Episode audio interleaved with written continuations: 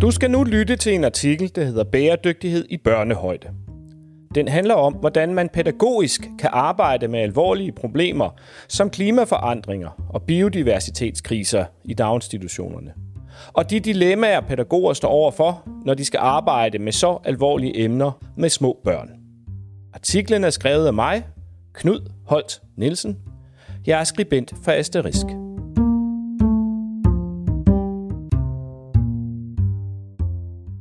Klimaforandringerne og biodiversitetskrisen kræver pædagogiske svar i forhold til, hvordan man kan ruste børn til en usikker fremtid, der frem for alt kræver handling.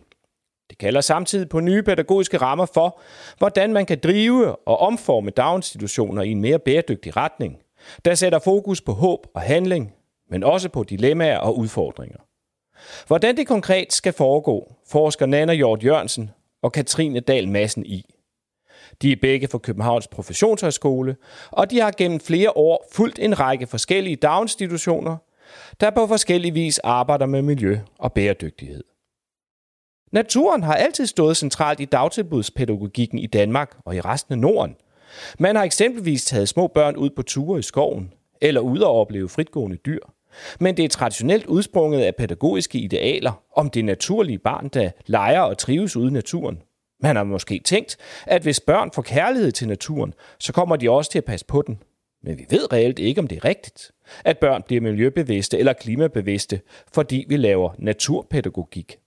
Der er mange andre ting i børns hverdag, som har betydning for, hvordan de handler nu og i fremtiden.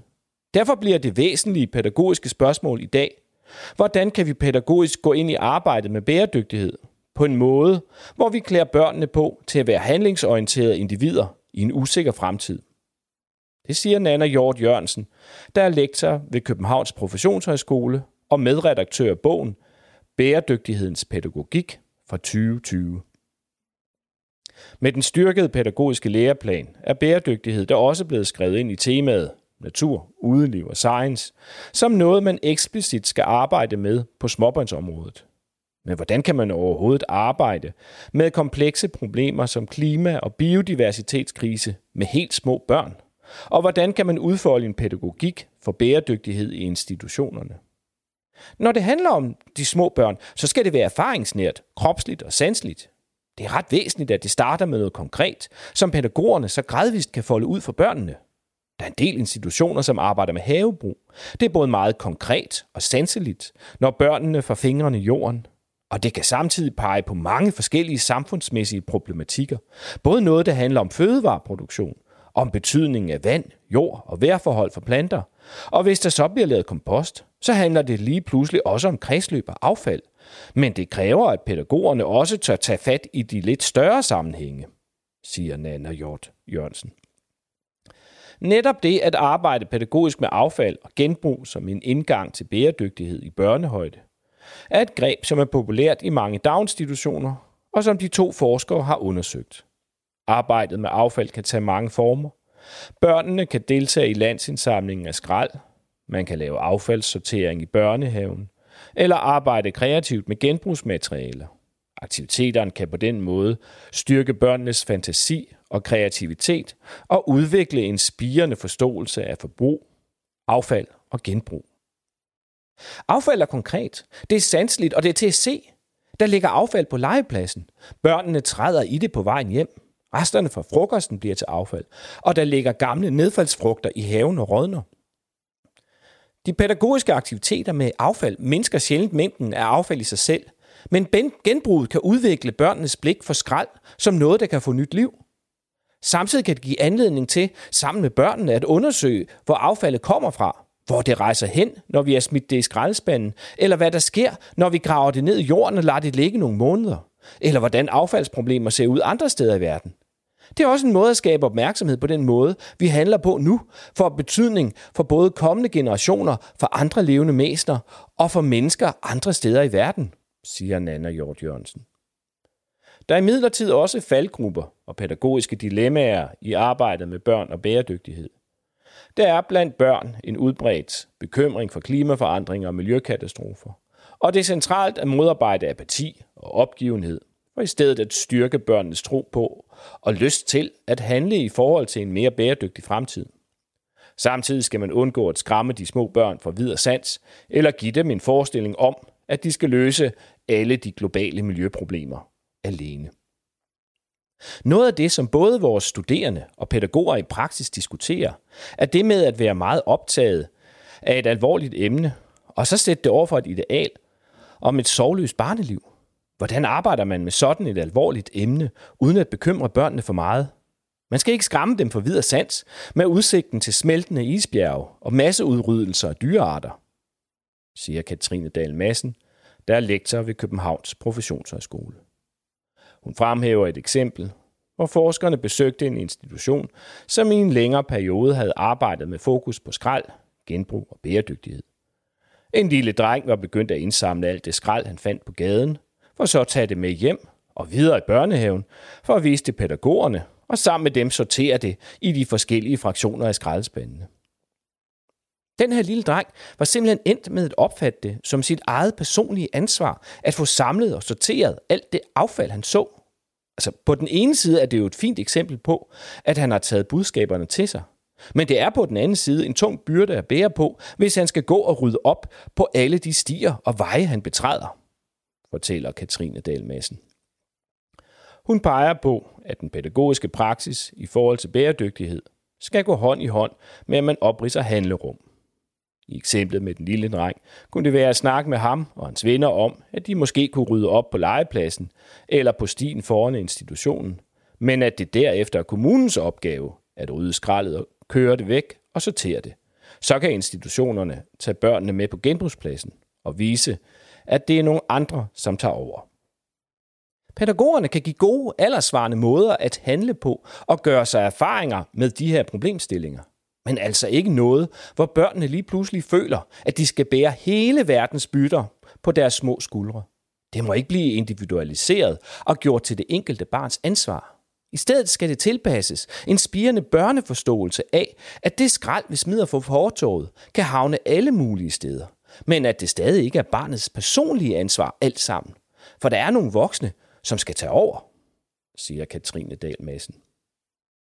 Spørgsmålet om social ulighed blandt børn i dagtilbud bliver ikke mindre væsentligt, fordi man arbejder med natur og miljø.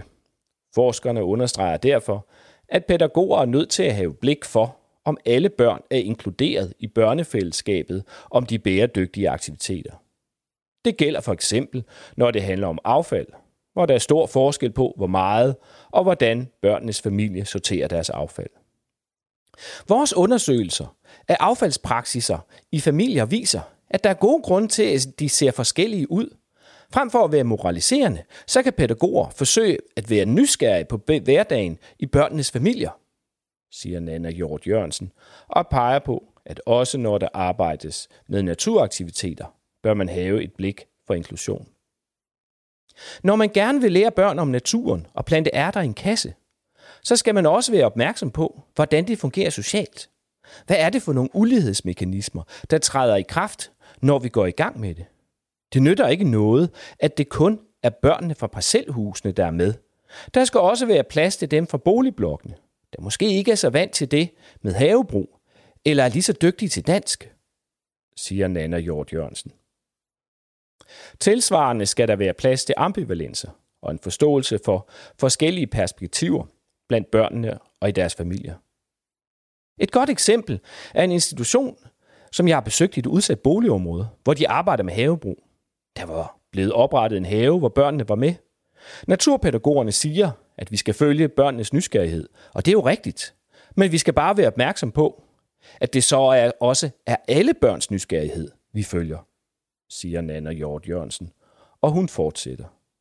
Står der eksempelvis en dreng, som ikke har lyst til at få fingrene i jorden, eller en pige, som synes, den halvrådende halm er ulækker. Hvordan rummer vi dem? Det kan også være den pige, der var meget optaget af at få fingrene i jorden og holde på en regnorm, men bagefter bliver nervøs over, at flyverdragten er blevet møg beskidt. Der er det jo vigtigt, at en pædagog kan gå ind og anerkende, at det ikke er alle mødre og fædre, der klapper i hænderne, når børnene kommer møg beskidt hjem. For måske har de ingen vaskemaskine derhjemme. Det er et andet krydspres end den glade middelklassemor eller far, der tænker jo mere buder, jo bedre. Samtidig er det væsentligt, at arbejdet med bæredygtighed bliver et perspektiv, som er integreret i hele institutionens virke, og ikke kun optræder som et supplement til de almindelige pædagogiske aktiviteter. En indgang kan være at arbejde med en hel institutionstænkning, hvor bæredygtighed bliver det centrale omdrejningspunkt, og hvor man kobler både det miljømæssige og det handlingsorienterede, det sociale og det økonomiske med en børnehave hverdag, siger Katrine Dahl Madsen, og kommer med et eksempel fra en daginstitution nær København, der har certificeret sig selv som den bæredygtige institution.